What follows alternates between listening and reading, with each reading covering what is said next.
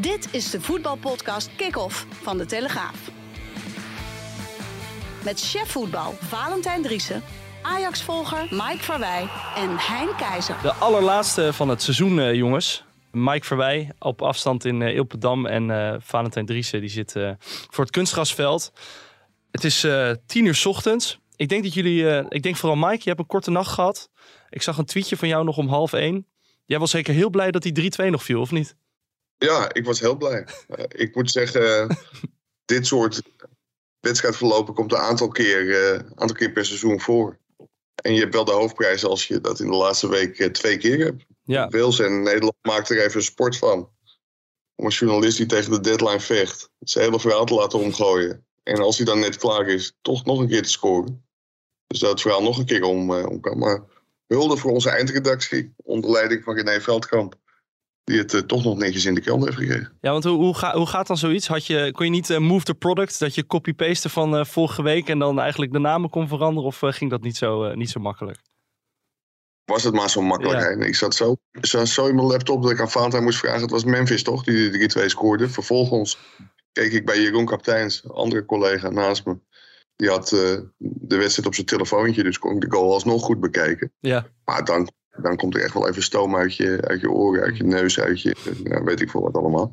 Maar dan is het even lastig om, eh, om dat hele verhaal om te gooien. mhm. Omdat ja, 2-2 of 2-1, dat was nogal een wereld van verschil. En als je dan net klaar bent, dan denk je, ja, nou ja, eigenlijk had ik mijn verhaal redelijk intact kunnen laten. Maar ja, dan heb je dan weer de helft weggegooid. Dus dan moet, moet je weer terugbouwen. ik moest ook eh, heel erg aan, aan je denken, omdat het ook eh, de dag voor je vakantie is natuurlijk. Ja, precies. Mijn vakantie is eh, begonnen met deze podcast. Nou ja, wordt, wordt zeer gewaardeerd. Valentijn, eh, jij zat eh, naast Mike. Heb je hem nog wel een beetje mentaal kunnen ondersteunen op dat moment? Of eh, denk je dan, nou, laat Mike maar even lekker tikken, dan komt het wel goed? Ik heb, ik heb het zelf ook wel eens meegemaakt. En het, het laatste wat je dan wil is dat mensen zich met je gaan bemoeien. Ja. En gaan roepen en gaan eh, dingen gaan eh, zeggen. Dus eh, dan moet je iedereen gewoon met rust laten. Mhm. Want zij zitten in een verhaal. Zij zitten in de focus. Ja, Zitten zij dan op dat moment. Dus daar kan je ze beter niet uithalen. En als, ja, als je dan wat vraagt, dan, ja, dan moet je het antwoord paraat hebben. Maar ja, dit is killing. Voor, voor verslaggevers is het killing. Alhoewel, dit gebeurt allemaal wel weer zo snel achter elkaar. Dus dat je bijna wel met je oude verhaal... Want ja, die, die penalty die moet je dan in feite beschrijven. Die ont, vond ik een onterechte penalty. Mhm. Eh, die kan je dan nog in je verhaal meenemen. Maar omdat die goal van Depay dan weer valt... Ja, eh, ik, heb, eh, ik had ook een stukje gemaakt. En ik heb gezegd van... eh, ja, het enige wat je hoeft te veranderen is de uitslag. Oh, eh, die erin stond. want- Van 2-1 naar 3-2. ja. Dus eh, de, de rest van het verhaal bleef gewoon staan. Eh, dat was ge- geënt op eh, de performance van eh, Gakpo en eh, Noah Lang. Mhm. Ja, en, en dat verandert natuurlijk niet eh, met eh, één doelpunt of met een gelijkspel in de, in de laatste fase van de wedstrijd. Dus eh, dat is minder wedstrijdgebonden. Maar Mike die maakt het wedstrijdverhaal, ja, dan moet je wel, eh, dan moet je wel de boel om, omgooien. Maar ik had één voordeel, hè, Hein. Vertel. Ik had me enorm goed geïmagineerd eh, voor de wedstrijd. Ja, dat, dat dacht ik al. Je had eh, pagina, welke pagina had je te pakken in de krant? Pagina 2, 3. En ja, dat twee, is wel twee echt drie had je helemaal geïmagineerd. van Louis van Gaal heb opgestoken. Dan zit ik voor mijn laptop, ben ik heel erg aan het imagineren. Ja, en dan komt het wedstrijdverslag. En dan Kijk. komt het. Het, het, het is op zulke momenten wel zo dat je hoopt. Want Valentijn schrijft de analyse. Ja, Mhm. normaal heb je in de slotfase even overleg. Waar gaat jouw analyse over? Je hoopt niet dat je iets compleet tegengesteld hebt. Want het zou heel raar zijn op één pagina. Dus een wedstrijdverslag. Dat, Ja, maar dat- Mike, dan hadden we je toch nooit aangenomen. Als je iets Heel totaal anders denkt. Hè? We willen wel gelijkgestemden. Ja, dat is mooi. Dat, maar wel even voor de luisteraars. Valentijn heeft me niet aangenomen hoor. Dat was eh Oh ja. Charles- Charles Taylor. Maar, Ja.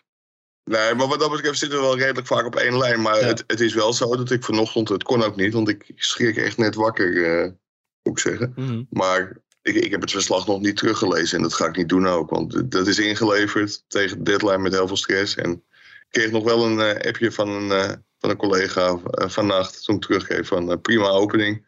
Maar voor mij is het wel klaar zo. Dat ga ik niet meer teruglezen. En eh, dan mag je van je welverdiende rust gaan genieten, hoop ik zo. Of eh, staat jouw telefoon dan ook eh, daadwerkelijk op mute in de zomer? Of ben je bang dat de Manchester United fans jou nog steeds gaan bestoken? Nou ja, niet alleen de Manchester United fans. Ik moet zeggen, ik, ik ben normaal gesproken niet zo van, oh, oh wat was het moeilijk rondom de deadline.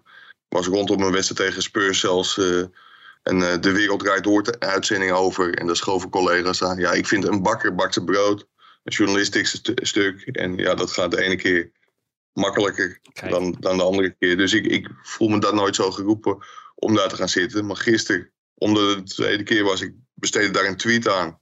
En vervolgens kwamen er allemaal, reactie, allemaal reacties van... Kom Bergwijn, hoe zit het met Wijndal? Hoe gaat het met Robbie? Dus nee, ik ga mijn telefoon de komende dagen niet uitzetten. Omdat ja, er, er zullen dingen gaan gebeuren.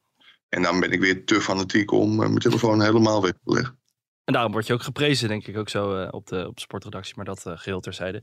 Hey, uh, Valentijn, je lichtte Noah Lang en Cody Gakpo er al even uit. Um, welk van de twee heeft je het meest verrast in de, in de wedstrijd tegen Wales? Meest verrast? nou, toch wel Noah Lang. Mm -hmm.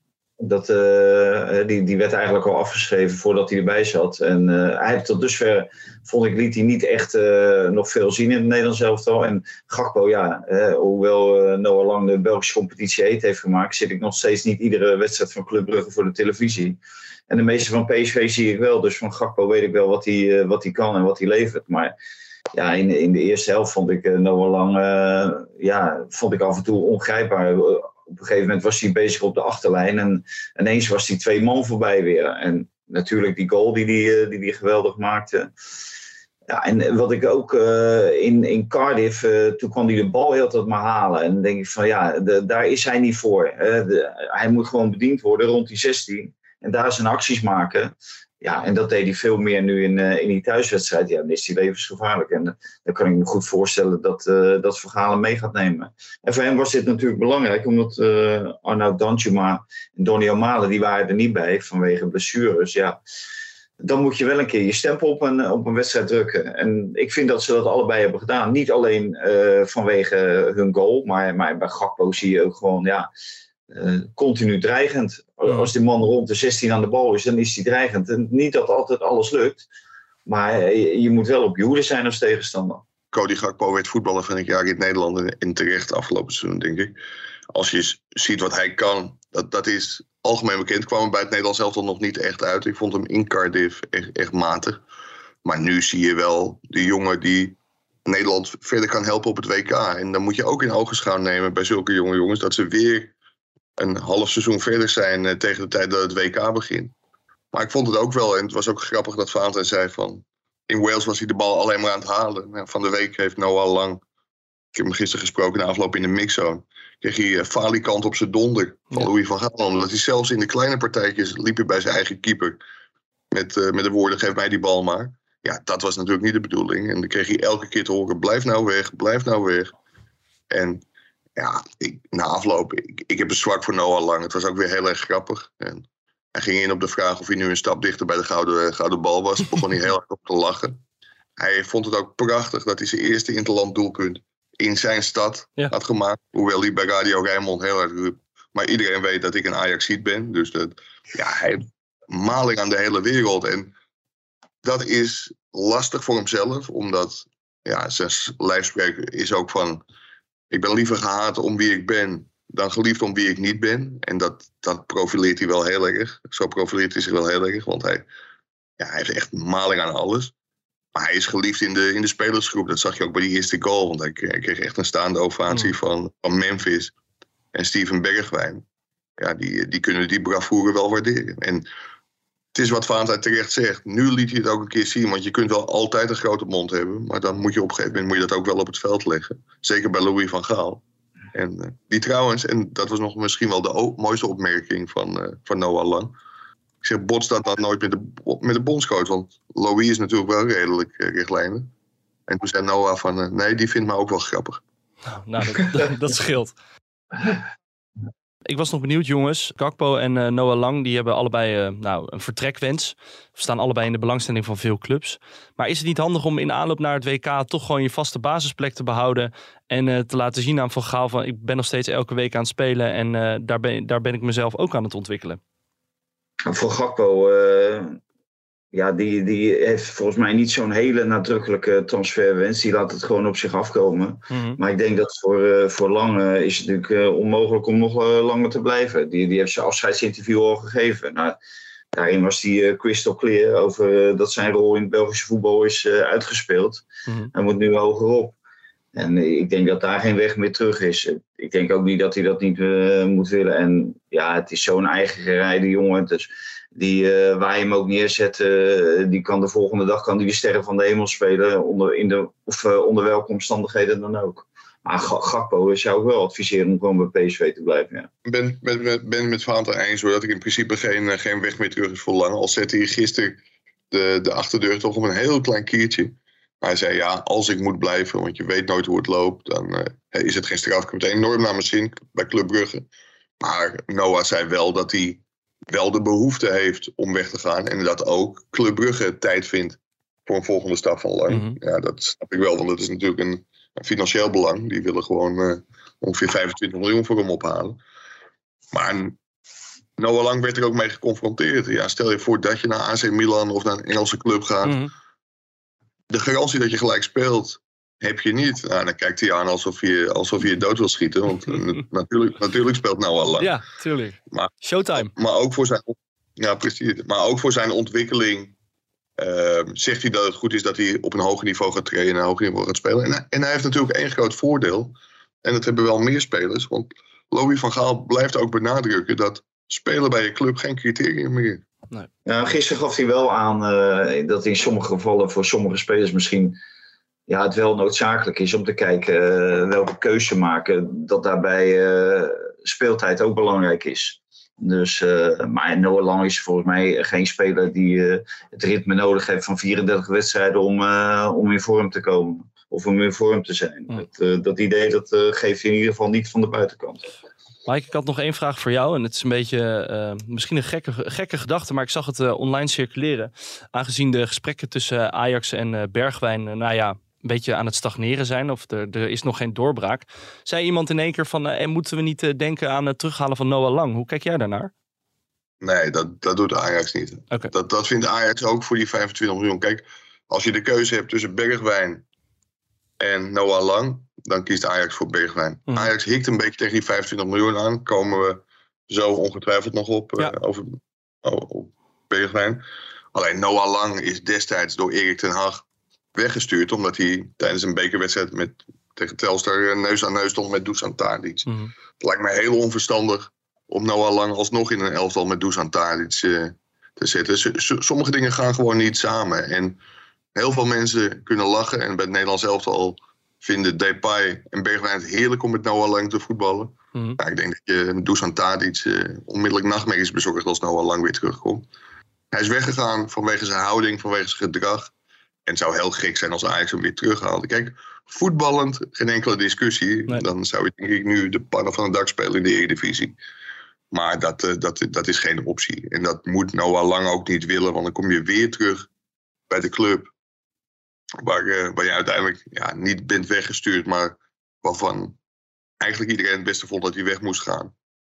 Dus dat Ja. is, eh, is, een, Duidelijk. is een leuke gedachte, maar denk ik geen optie. Oké, duidelijk. Jongens, voor de laatste keer dit seizoen de stellingen. En eh, eentje heb je net al beantwoord, eh, Mike. Maar ik eh, vraag hem ook nog eventjes aan, eh, aan Valentijn. Ajax moet voor Noah Lang gaan in plaats van Bergwijn. Eh, oneens, oneens. Eh, en Mike was ook oneens. Eh, was duidelijk. Eh, Vincent Jansen gaat mee naar het WK. Eens. Zo, mooi in koor. Ik zou een penaltykeeper meenemen naar het WK. Eens. En dan ook een wissel overhouden. Eens. 6 miljoen voor Luc de Jong vind ik een koopje. PSV moet toeslaan. Eens. Eh, oneens. Eh, Southgate moet nog voor het WK ontslagen worden bij het Engelse elftal. Eens. Eh, poeh, oneens. En de KNVB moet er eigenlijk alles aan doen om het, de gouden Louis van Gaal nog twee jaar te behouden. Oneens. Oneens. Oké, Zullen we met eh, de laatste, met de laatste beginnen heen? ja, ja, ga je gang. Ja, dat kan niet, want Ronald Koeman heeft al een contract eh Dat, eh, getekend. dus dat, dat weet ik. dat, dat, dat, dat zou heel erg gek zijn om Ronald Koeman dan tot nog twee jaar in de schaduw te parkeren. Mhm. Dus ja, het, is- het is gewoon praktisch onmogelijk. Ik, ik las eh, mijn collega van ons dat hij hoopte dat Louis tot in de lengte der dagen, in de Mhm. eeuwigheid bondscoach zou blijven. Ja, je moet die man op een gegeven moment natuurlijk ook wel zijn welverdiende pensioen eh, gunnen. Mhm. Daar was hij mee bezig. Truus had, eh, had al te horen gekregen dat hij eh, niks meer zou doen. Maar uiteindelijk ja, kroop het bloed toch weer waar het niet, niet gaan kan. En hij heeft het fantastisch gedaan. Althans, laten we het WK nog even afwachten. Hij Hmm. doet het fantastisch op dit moment. En daarna is het echt tijd om in de Portugese zon met een lekker wijntje te gaan zitten. Maar wat is, dan, wat is dan precies de hand van Van Gaal? Je wint nu twee keer eh, in eh extremis. Je krijgt een doelpunt tegen in eh, blessuretijd en je scoort ook nog eens een keer in blessuretijd. Is dat dan het geluk van Van Gaal of is er nog iets, zit er een tactisch idee achter Valentijn? Hoe kijk jij daarnaar? Nou, het is gewoon een combinatie van. eh, kijk, deze spelers eh, hebben volgens mij, volgens Van Gaal dan, ik heb de spelers zelf daar niet over gesproken, maar die hadden een idee hoe je eventueel in de allerlaatste fase toch nog een goal kan maken vanuit een, eh, vanuit een aftrap. Ja. ja dat, dat hebben ze laten zien. Dus, eh, maar er is natuurlijk genoeg kwaliteit. eh, ja, dat staat natuurlijk als een paal boven water. Een groot gedeelte van dit elftal won, of stond twee jaar geleden, of nee, het is inmiddels alweer drie jaar geleden, in de Mm. finale van de Nations League. Ja. Dus er, er zit genoeg kwaliteit in dit elftal. En wat dat betreft, eh, ja, eh, dat geluk heeft Gaal wel. Dat hij met jongens eh, nu komt die een EK achter de rug hebben, dat is mislukt. Dus je kan alleen maar beter. De kwaliteit wordt alleen maar beter. Ze spelen allemaal eh, in, in de top van eh, Europa. Ja, het is natuurlijk heerlijk werken voor, voor een bondscoach. Ja, die, die goals. Je kan er ook kijken van, dat je die goal tegenkrijgt hè, in, eh, in de slotfase. En dat was natuurlijk bij Wales ook. Of in Cardiff en nu opnieuw. Ja, daar moet, daar moet wel wat aan gebeuren natuurlijk. Want ja, op het WK wil niet zeggen dat, eh, dat Ecuador zich ook zo makkelijk eh, nog opzij laat zetten in de 93ste minuut. Ja, want eh, we hebben nu een paar interlands gehad. Eh, wel telkens een tegendoelpunt gekregen. Ehm, ja, waar, waar ligt dat dan aan? Is dat dan onoplettendheid? Want bij, die, bij, die, bij ja, het eerste doelpunt van Wales gaat deze op zich de, de fout in. Die stond onder spanning, zoals eh, Louis van Gaal zelf zei. Maar eh, hoe ga je dat veranderen in, in de loop naar het, naar het WK? Is dat dan puur en alleen Van Dijk opstellen of moet er meer gebeuren? Nou, in, ieder geval andere in ieder geval andere speler dan deze opstellen. Ik, ik vind het heel sneu. Aardige jongen. Mhm. Heeft het bij PSV geweldig goed gedaan. Ik denk ook wel dat het een heel groot talent is. Maar die heeft volgens mij zijn WK-kansen wel geminimaliseerd de afgelopen transfer. eh, of eh interlandperiode. Mhm. Ik blijf bezig met transfer. Ja, nee, dat hoor precies. je. het zit er zo in. Ja, Jij precies. schrikt, jij schrikt s'nachts wakker en dan... eh, oh, oh, transfer deadline, transfer deadline. Nou, September. Ik denk, nou, als ik moet plaatsen, kijk ik wel altijd even op mijn telefoon of ik een transfer heeft plaatsgevonden. Maar ik schrik niet wakker van de, van de transfer. Gelukkig. Je kan lekker doorslapen in Ilpendam, dat scheelt. Ja, precies. maar om terug te komen op, Ja, op deze. Ja, ja ik, ik, ik, ik vind dat sneu. En je merkte gewoon ook na die fout. Ja, dat, dat hij onder hoogspanning stond. En de wissel was logisch. Ik vond Hans Hatenboer. Die heeft zich volgens mij ook uit de selectie gevoetbald. Ook, ook heel matig. Ja, en dit zijn toch momenten waarop je het moet laten zien. Om op je vorige vraag terug te komen. Wat nou het geheim van Van Gaal is. Ja, ik, ik denk dat het, hij heeft zelf gezegd dat hij een, een gouden pik heeft. Nou ja, dat, dat blijkt wel met al die goals in de slotfase. Maar toch is het niet alleen maar toeval en geluk, denk ik. Hij heeft de boel, en dat zie je bij andere bondscoaches, daar ging de column van Valentijn, de visie van Valentijn ook over. Mhm, Hij heeft door Wijnaldum niet mee te nemen, de boel wel gigantisch op scherp gezet. mhm. En het is gewoon een regel dat je onder Louis van Gaal niet kunt verslappen. Ja, Valentijn, jij wilde daar ook nog een vraag over stellen in de, de persconferentie na afloop, zag ik. Maar dat zat er niet in. Je was aan het stoken in een goed huwelijk. Ja. Ja, ik weet niet om welk huwelijk het ging, Ja. maar Maar doe je dat vaak? Doe je dat thuis ook? Dat je dan eh, on- onbewust nog een beetje gaat zitten prikken. nee, nee, ik zou, ik zou niet durven. Thuis heb ik helemaal niks te vertellen. Nee? Daarom, eh, Sta je- eh, jij staat straks weer met een vuilniszak buiten. Ik stond vanochtend stond ik bij de vuilnisbak buiten. Ja. Die heb ik vanochtend naar, naar, naar voren gebracht. Ja. Uitstekend. Daar is de, de groenbak. Oh is ja. het. En, eh, die zit bij ons natuurlijk popvol, want we zijn verschrikkelijk milieubewust bezig. ja. met een Dus, eh, kunstgrasveld. Met een kunstgrasveld. ja, Maar, maar de groenbak stond je met de vuilniszak. Ja, dat gaat niet ik goed. stond met de groenbak. De groenbak, eh, nee, ik stond met de groenbak. Oké. De vuilnisbak bedoelde ik. Oké. Nee, dus eh, niet de vuilniszak. Maar dat, eh, ja, nee, nee, thuis heb ik niks te vertellen natuurlijk. Dus eh, wij hebben echt een eh, modelhuwelijk heb ik thuis. Wat, wat houdt dat precies in? Nou, dat alles eh, goed gaat. Oké, Goed zo. Dat is goed. Beter, dan- beter, niet, nodig andere- om te stoken. Mike? beter dan die andere collega, die heeft een sprookjeshuwelijk. Die is getrouwd met een heks. Ja.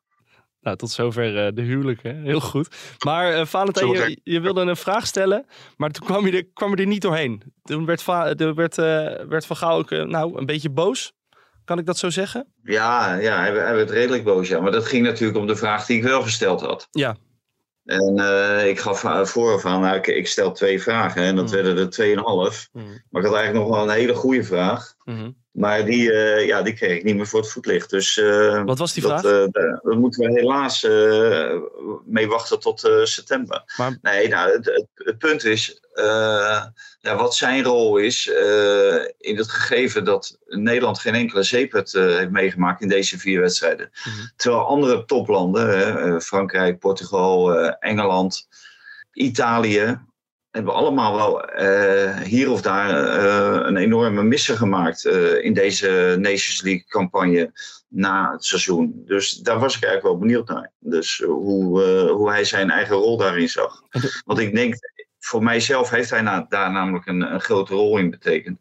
Omdat ik zie alle bondscoaches die husselen die elftallen allemaal volledig door elkaar. En dat doet hij niet. Hij heeft gewoon twee basiselftallen eh, en twee tweede keuze elftallen. En eh, de basis die speelde tegen België uit en Polen thuis. En Wales, de, de dubbele confrontatie met Wales, was voor de B-keus, zeg maar. Alleen bij die B-keus kwam nu dan eh, Jasper Sillissen op doel te staan. Mhm. Maar dat kwam omdat Vlekken natuurlijk, of dat hij geblesseerd was voor de wedstrijd tegen Polen. En, eh en Frenkie de Jong kwam erin en dat was omdat hij eh, per se wilde winnen. En daarom koos hij niet voor die schouten. Ja. Dus, eh, Want, dat, dus ik denk dat hij daar een rol in heeft gespeeld, zeker. want dat, dat is natuurlijk de derde hè, die gaat sneuvelen. Normaal gesproken hier die schout. Ik moet, moet zeggen, je ziet wel dat hij een hele goede, leuke voetballer is. En dat hij ook tegen het Nederlands elftal aanzit. Mhm. deed hij in, in Wales best aardig, moet ik zeggen. Maar ja, als de bondscoach beslist om Frenkie de Jong op te stellen en jou niet, omdat hij toch wil winnen, ja, dan is dat geen heel goed, eh, heel goed teken, denk ik. Ik Nee, moet zeggen, eh, ik vind het wel leuk om te zien dat Valentijn ook gewoon met de KNVB en de bondscoach eh, meedenkt. Want dit is natuurlijk wel een enorme cliffhanger om je vraag te moeten vasthouden tot september. Ja, Ik vind het altijd topvermaak, eh de persconferenties eh, met Louis en Valentijn. en eh, zodra, zodra de vraag gesteld is, leest u het natuurlijk in de Telegraaf. Dat mag ik, eh, mag ik wel hopen. Ja, ja, ja, ja. Nou ja, hij heeft, hij heeft nu drie maanden om zich voor te bereiden op die Ja, vraag. ja. Dus eh, ja, ik, ik verwacht een eh doorvrocht antwoord. Ja, Zal hij de podcast luisteren, denk je, in Portugal? vast wel. Ik denk dat Truus hem wel wel. luistert. En dat Truus dan even doorspeelt wat Valentijn allemaal heeft gezegd. Wat denk jij, Valentijn? Nou, ik denk Truus niet en Louis wel. Kolompjes leest hij niet, maar eh, ja, volgens mij is het een liefhebber van podcast. Hij heeft genoeg tijd daar Ja. Ja. zijn balkon. Hey, eh, je had het eh, net al over, Mike, over eh, nou, afvaller de drie. Zou wel misschien bekend kunnen zijn dat je Jerry Schouten. Hoe zit het bij de doelman? Heeft Sillissen nou al genoeg overtuiging gebracht ten opzichte van vlekken? Of denk je nog dat, dat Bijlo een kans gaat maken? Ik, ik kom er niet helemaal uit. En heel veel mensen vinden het heel lastig. Wie, wie moet er nou de eerste doelman van het Nederlands elftal worden?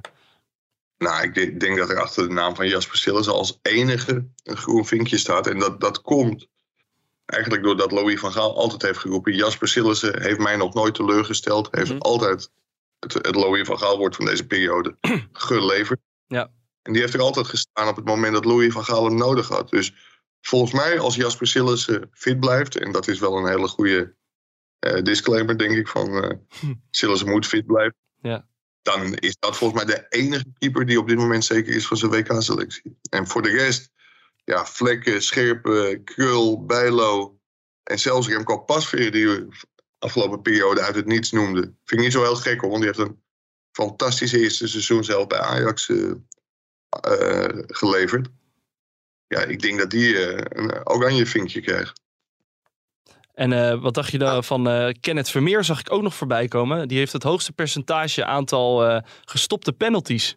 44 procent. Daar zijn Louis, daar zijn Louis Vergaal over in de, in de mix zo. Ja, maar dat was 20 jaar geleden. Okay. Dus die, daar die kunnen we een kruisje achter zetten. Geen vinkje. Nee, dat wordt een rood streepje, denk ik. Nou, het, uh, geluk is, tenminste geluk, uh, waarschijnlijk uh, worden de bondscoaches verplicht om vier keepers mee te nemen. De selecties worden uitgebreid. zoals het er nu naar uitziet, van 23 naar 26. Maar daar zal dan waarschijnlijk een extra keeper mee moeten. Mhm. Ja, en eh, dan is het wel logisch, want volgens mij vroeg je dat ook, eh, of er een penalty killer mee moest. En dan, Ja. dan moet er natuurlijk ook een penalty killer mee. En wie, wie dat is, ja, dat, dat, ze- dat zal op de trainingen moeten blijken. Ik heb vlekken gezien eh, in de Duitse bekerfinale. Nou, die stond daar niet echt als een penalty killer. Nou, voor Sillissen weten we allemaal dat het geen penalty killer is. Krul heeft het wel bewezen als penalty killer. En eh, hij gaf ook nog aan van eh, het moet ook iemand zijn die eh, de tegenstander uit zijn concentratie kan halen. Nou, daar is Tim Krul heel goed in, want hij werkt zelfs mij op mijn zenuwen. Als ik zit te kijken op het moment dat hij penalties. eh ja, zit je dan ook te zweten in?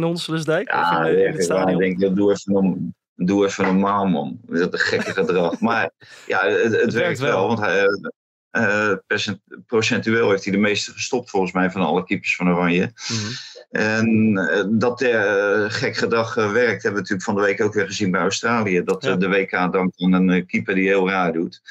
Ja, hij, hij, die ene bal stopt hij niet, die gaat gewoon op de paal. Maar hij, hij verdient er wel de credits voor.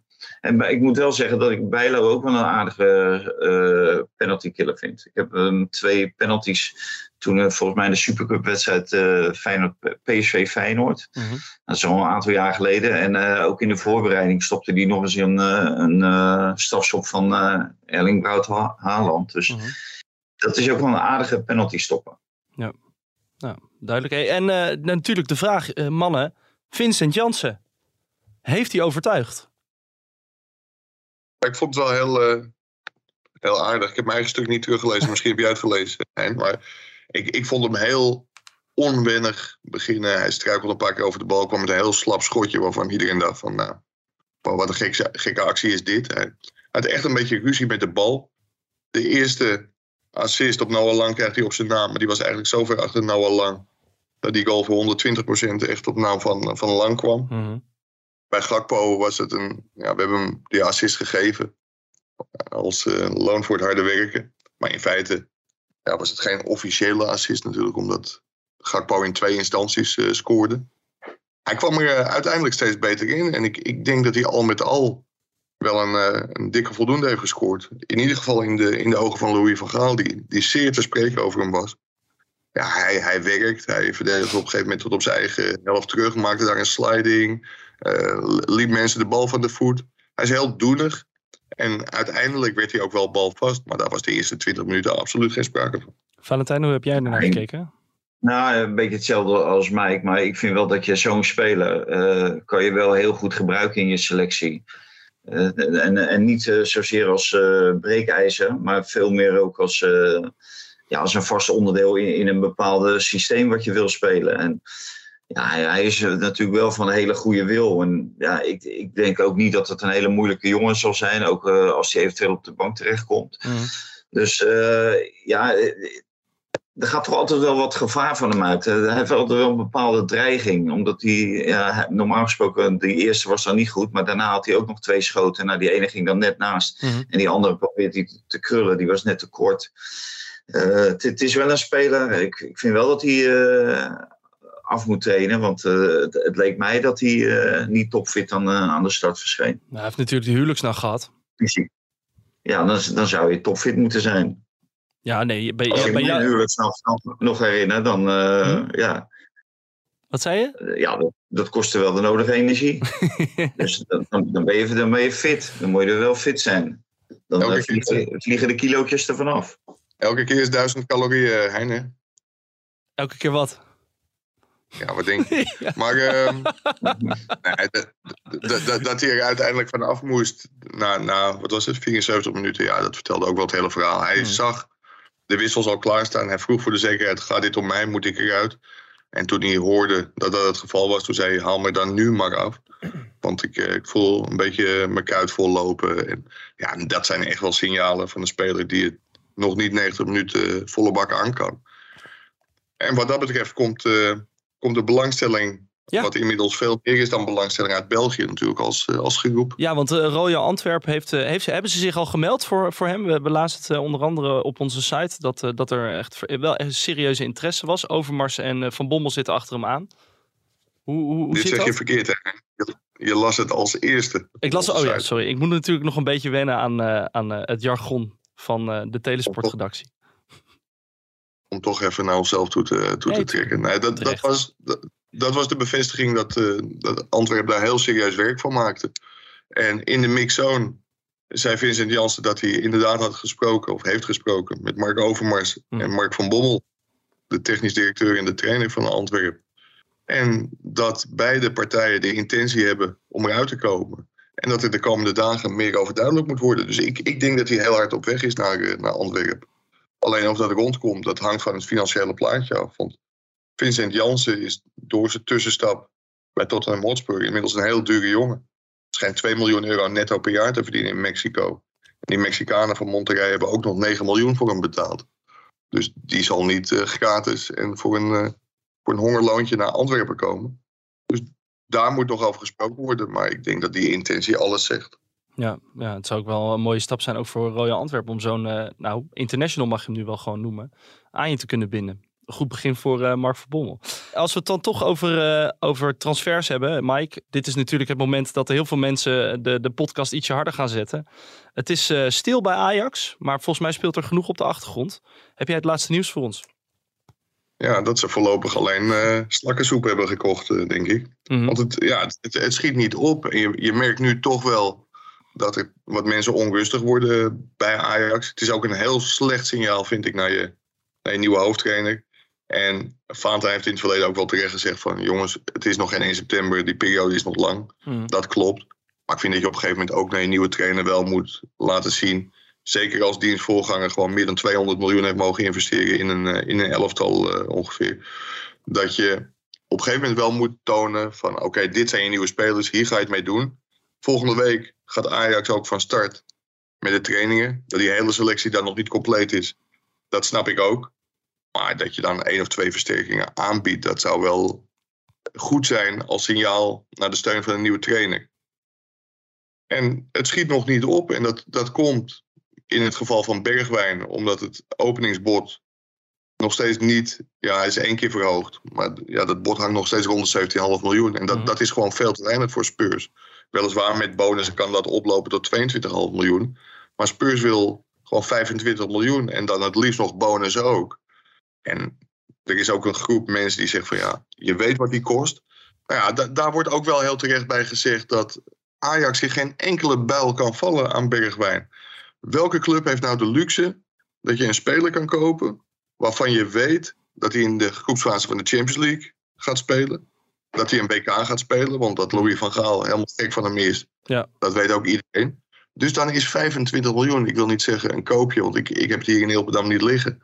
Niet? Maar als je een speler 25 miljoen haalt, deze houdt met een Champions League en een WK-opkomst altijd zijn restwaarde. En ik weet het allemaal wel, het is een recordtransferbedrag. En het is voor een speler die zelf opgeleid is en toen naar PSV is gegaan.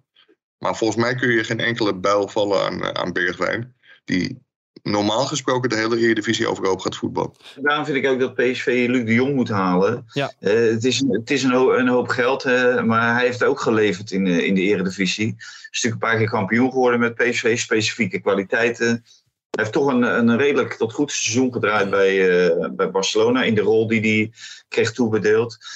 En PSV staat uh, voor de lastige opdracht natuurlijk om zich te kwalificeren voor die Champions League. Ja, en, en, en dan is het zo'n investering best waard. En ik denk dat PSV ook best ver wil gaan uh, voor Luc de Jong. Maar ze moeten natuurlijk niet denken, omdat we altijd contact met hem hebben gehouden, uh, dat het een, een dan deal is. En dat, het een, dat Luc de Jong ja, hoe noem je dat? Uh, vanwege zijn gevoelens bij PSV uh, dat maar even 2 miljoen had liggen. Dat, dat, en dat, mag, mag, PSV ook niet eisen van Luc de Jong. Maar hij is wel een speler die uh, op een beslissend moment wel naar de Champions League kan, kan koppen of schieten. Want ik denk dat de kansen die Sahavi vorig jaar miste tegen Benfica, dat dat bij Luc de Jong gegarandeerde goals zijn. Maar 31 jaar en 6 miljoen? Wat vind je daar? Dat, dat is, het is wel een beetje een oude spits. Ja, ja dat, dat is het ook. Maar uh, ja, als hij gewoon goed op zijn lichaam heeft gepast en, uh, en nog drie of vier jaar mee kan, mm. nou, dan kan, kan die voor, uh, voor PSV echt die, die 6 miljoen wat terug verdienen. Hoor. Ja. Mike, ik ja, viel in de reden, sorry. Nou, die komt, komt uit een topsportfamilie. En als je hem ziet, ook, ook de laatste tijd bij Barcelona, is hij volgens mij gewoon top en top fit. Mm. En ik, ik ben met Valentijn eens. Kijk, en datzelfde geldt dan voor Bergwijn ze zijn gewoon in de Eredivisie en waarschijnlijk ook internationaal een garantie. Kijk, lukt het Luc de Jong niet om PSV nu in de kwalificatie naar de Champions League te koppen? Nederland heeft normaal gesproken, dat, dat is nog een klein voorbehoudje, ehm, komend seizoen twee Champions League plekken. Mhm. En met Luc de Jong koop je gewoon tussen de 25 en, of ja, 25 laat ik niet al te hoog inzetten, maar tussen de 20 en 30 doelpunten in de Eredivisie. Ja, en dan ben je gewoon echt een hele eind op weg om eerste of tweede te worden. En dat levert weer 40 miljoen op. Dus nu kan 6 miljoen plus het salaris van, van Luc de Jong heel erg veel lijken. Maar dat verdient zich normaal gesproken altijd terug. En ik zou het ook een feest vinden als spelers als Bergwijn en Luc de Jong terugkomen naar de Eredivisie. Want dat is de competitie waar wij elke week naar mogen kijken. Mhm. En dan is het gewoon geweldig als zulke voetballers terugkomen. Vandaag is het ook eh, het eh, programma bekendgemaakt van, eh, van de Eredivisie. Ik was nog wel heel benieuwd. Is dat dan iets wat jullie eh, helemaal al gaan doorspitten? Ik zag op de laatste dag eh, AZ tegen, tegen Ajax, als ik het goed heb, of AZ PSV. Een van de twee. Dacht ik zo, die hebben, er, die hebben er wel een feestje van gemaakt. En jij hebt het in ieder geval nog niet AZ doorgespit. hoor PSV, het is AZ PSV. Ik had het, eh, ik had het speciaal opgeschreven. AZ PSV in de laatste speelronde. Ja, dat, dat vind ik. Ja, sorry. Nee, ga je, ga je gang. Ik, ik, ik vind het doodzonde dat ze hem in speelronde 34 plannen. Maar ga je gang eh, van. Nou ja, exact. Ik had ook het woord doodzonde op mijn lippen liggen. Dus eh, kijk, dit, dit zijn wedstrijden die, moet- die moet je eh, in het seizoen eh, plannen, niet op de laatste wedstrijd. Want ja, eh, wanneer is het voor het laatst geweest dat eh, de laatste wedstrijd beslissend is geweest voor de competitie? Dus eh, ja, dat is doodzonde. Dus dit, dit is een wedstrijd dadelijk weer om de Keizers baard. Nou ja, zo'n wedstrijd eh, hoort gewoon eh, ergens om, om te gaan. Ook, ook met betrekking tot de ranglijst. Mhm. En die zekerheid heb je als je gewoon in maart of april plant. Maar de laatste wedstrijd van het seizoen, nee, doodzonde. Gemiste Ja. kans. Ja, het- kans is gewoon heel groot dat of PSV ook kampioen is of geen kampioen meer kan worden. mhm. Ja, en dan haal je natuurlijk zoveel glans van zo'n wedstrijd af. Het is godver, godverdee een, eh, een topaffiche. Dan ga je Ja. toch niet een spelronde 34 neerzetten. Nou, Je maar- bent boos, hè, Mike? Nee, ik ben net wakker. En dan, eh, Nee. ik, ik, ik heb gewoon, ik heb gewoon een ochtendhumeur. We moeten vaker in de ochtend opnemen. Dan is Mike eh, veel, veel scherper, eh, scherper van de tong. Heb ik het idee. Ja, maar zullen we nog even op de slakkensoep eh, in Amsterdam Ja. terugkomen? Tuurlijk. Er gebeurt natuurlijk nog wel Ja, in Ilpendam-. In Ilpendam, eh, daar wonen naast heel veel boeren ook mensen die het leuk vinden om, eh, om te vissen. En daar zeggen ze wel eens van, ja, die ligt met zijn bekje open. Met andere woorden van, ja, die vis kan iedereen vangen. En dat geldt wel heel erg voor Owen Wijndal, vind ik. Waarom dat zo ontzettend lang duurt, dat, dat is mij ook, ook de vraag. Want ze weten wat die kost. Ze weten ook eh, dat de zaakwaarnemer bijna van zijn volledige commissie wil, wil afzien. Omdat Wijndal ook graag de tussenstap in Nederland wil maken. Dus graag naar Ajax wil. En dat hangt op het salaris. En door deze deal, die volgens mij een, een transfer-ABC'tje is, niet af te ronden, ja, krijg je allerlei speculatie. Volkomen ten onrechte, laat dat duidelijk zijn. Maar ja, dan wordt er gesuggereerd, commissaris Danny Blind wil hem niet, want het is een concurrent van Daily Blind. Onzin. Ajax moet op een gegeven moment gewoon een transfer gaan, gaan aftikken. Of heel hard roepen, het salaris wat Wijndal wil, dat gaan wij gewoon niet betalen. Punt erachter, strepen door, klaar. Ja, ik vind het verbazingwekkend dat Huntelaar en Hamstra nog niet doorpakken. En Nou, ze hebben ook die uh, natuurlijk ook nog niet verkocht. nee, nee dat, dat- aan, aan, aan de andere kant is ook nog niet veel, eh, veel beweging. Nou ja, voor, voor Gravenberg komt natuurlijk maximaal eh, 24 miljoen euro, eh, euro binnen.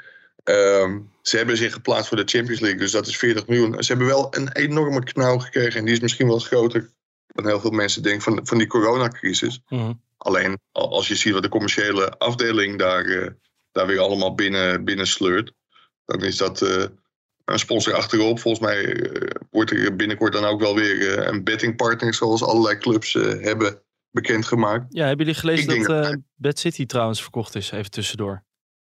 Ja, dan zie je eh, Ons wat- succes. wat een pod- podcast doet. Ik weet niet of Valentijn nog het nummer van die, eh, van die jongen heeft, eh, van Melvin Bostelaar.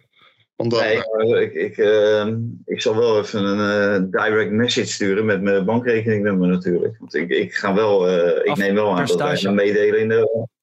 Ja, ja, in, Ja. De, in de verkoop. We hebben Natuurlijk. natuurlijk wel een doorkoop, een doorverkooppercentage bedongen. Mag ik Ja, ja, een 10, 10%. Is dat een beetje eh, reëel? Nou ja, als Ja, we, als we 10% krijgen, dan zitten we hier nooit meer, denk ik, met z'n allen. Dan zitten we lekker, eh, lekker Jongens. op het strand.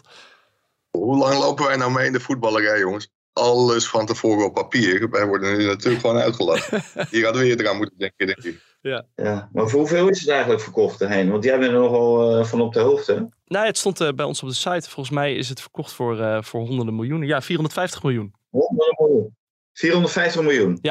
Door eh, 10%. Britten, Britten kopen Bad City voor 450 miljoen. Jackpot voor Amsterdam Schokbedrijf. Ja, nou, dat... eh hè? 10%, 45 miljoen gedeeld door 3. Ja, nou ja, 15 dan moeten miljoen? we, Pim, Pim hoort er natuurlijk ook Doen wel bij. Hè? Moeten Pim niet vergeten. Of Nee, gaan- nee, nee, niks daarvan. Pim is aan het compenseren en die luistert deze podcast niet terug. Dus we gaan helemaal niks zeggen. Nou, 15 miljoen de neus, jongens. Het lijkt me duidelijk. Ja, Ik teken ervoor. Bel jij? Hm?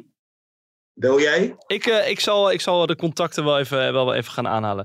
Hey, eh, tot slot eh, aan het einde van de podcast, jongens. Eh, het seizoen zit er bijna op. Eh, Mike, we gaan waarschijnlijk nog eh, behoorlijk wat transfer-updates krijgen in en rond Ajax. Ik denk sowieso dat de Eredivisie ook wel...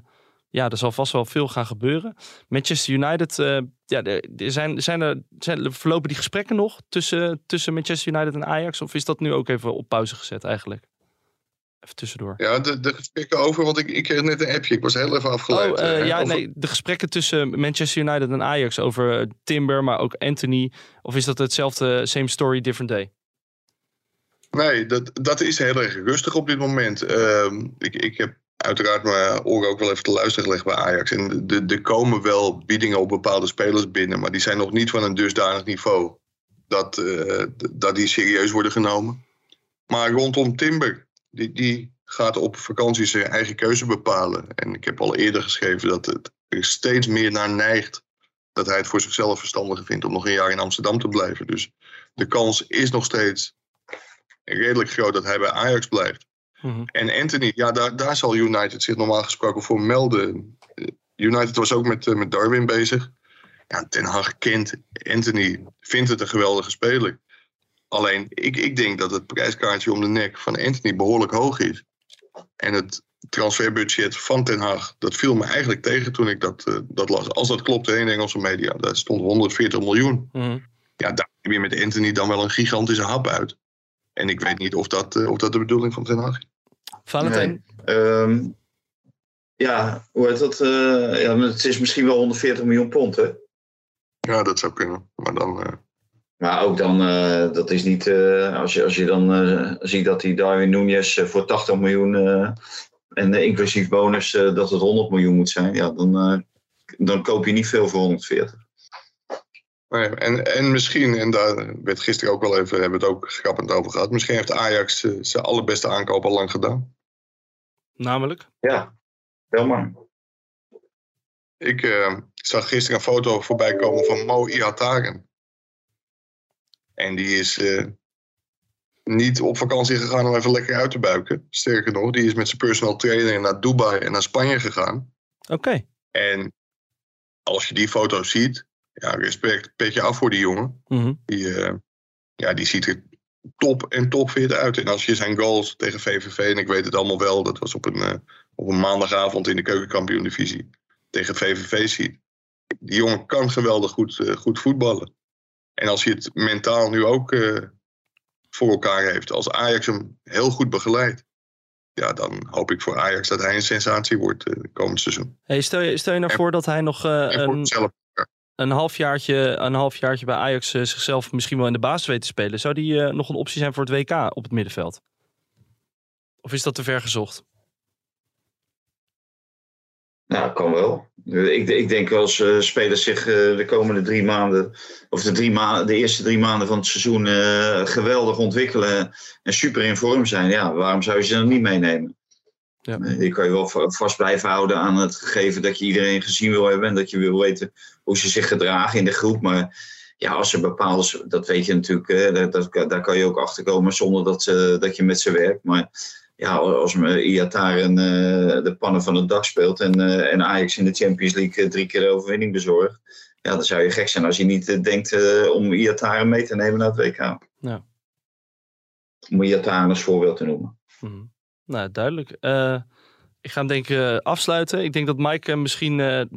ga je nog terug je bed in of ben je nu klaar wakker? En, Ik ben zo Ik moet om half één padellen. Oh, kijk. Dat, uh, dus uh, alle luisteraars, nee, die horen het niet voor half één. Want anders zou ik zeggen, er zijn tribunes geplaatst in Xenix tegenover de macro in Amsterdam. Kom kijken, er zijn nog kaarten. Ga je nee, tegen wie speel je? Tegen bekenden? Of, uh... Nee, voor jou, voor jou onbekend. Okay. Eén beke bekende misschien, maar dat, dat maakt niet uit. Okay. Ik heb vakantie, dus dat is, is privé. Goed zo. Maar ik ben een gemankeerde tennisser en dan is padel gewoon heel erg leuk. Valentijn, jij gaat met piepende banden naar Leeuwarden, als ik het goed heb? Ja, dat is wel de bedoeling, ja. Dus uh, we kunnen best zo snel mogelijk afsluiten. Eén ding alleen. Jij zei dit is de allerlaatste, maar is dat niet vreemd als uh, FC Twente morgen of overmorgen alweer uh, gaat beginnen met trainen? Nou ja, het is zo Moet dat... niet gewoon doorrijden dan? Nou, de, de podcast kan natuurlijk niet zonder, zonder Mike Verwij. En dan kunnen we met uh, nieuw elan. En uh, dan kunnen we de komende weken ons uh, natuurlijk gaan imagineren hoe we het allemaal beter gaan doen in het volgende seizoen. Ja, dit, dit, is een heel, heel foute opmerking, Hein. Want dan kunnen we volgende week gewoon een podcast doen. Mm -hmm. Ik ben nu tijd tot en met zondag. Dan werk ik gewoon een week vanwege allerlei verplichtingen. En dan, dan ga ik echt op vakantie. Dus wat mij betreft, tot volgende week. het is ook ongekend, deze workaholics met z'n tweeën. Nou, ik, uh, ik ga hem afsluiten, jongens. Bedankt. Ja, wat ga jij doen dan? Wat ga jij doen dan al die weken? Als jij dat... Uh, met mijn beentjes omhoog en uh, genieten van de rust. Dus het enige wat je doet is deze podcast en voor de rest heb je vakantie. Ja, ik heb niet echt vakantie. Maar nee, de, de Telegraaf. De, ga, ga vooral een keer naar telegraaf.nl slash podcast. En kijk wat voor ruim aanbod aan gevarieerde podcasts we allemaal hebben. Hoor je Op de app, hè? Beneden, onder de, de onderste balk, hè? Precies, precies. En uh, geef ook vooral duimpjes en sterren. Dat kunnen we allemaal wel gebruiken. Dus nee joh, ik, ik ben natuurlijk de motor achter telegraaf.nl slash podcast. dus dat, dat draait goed. allemaal wel door nog de komende zomer. Jongens, bedankt. Fijne vakantie, Mike. En tot snel. Tot snel. Doei.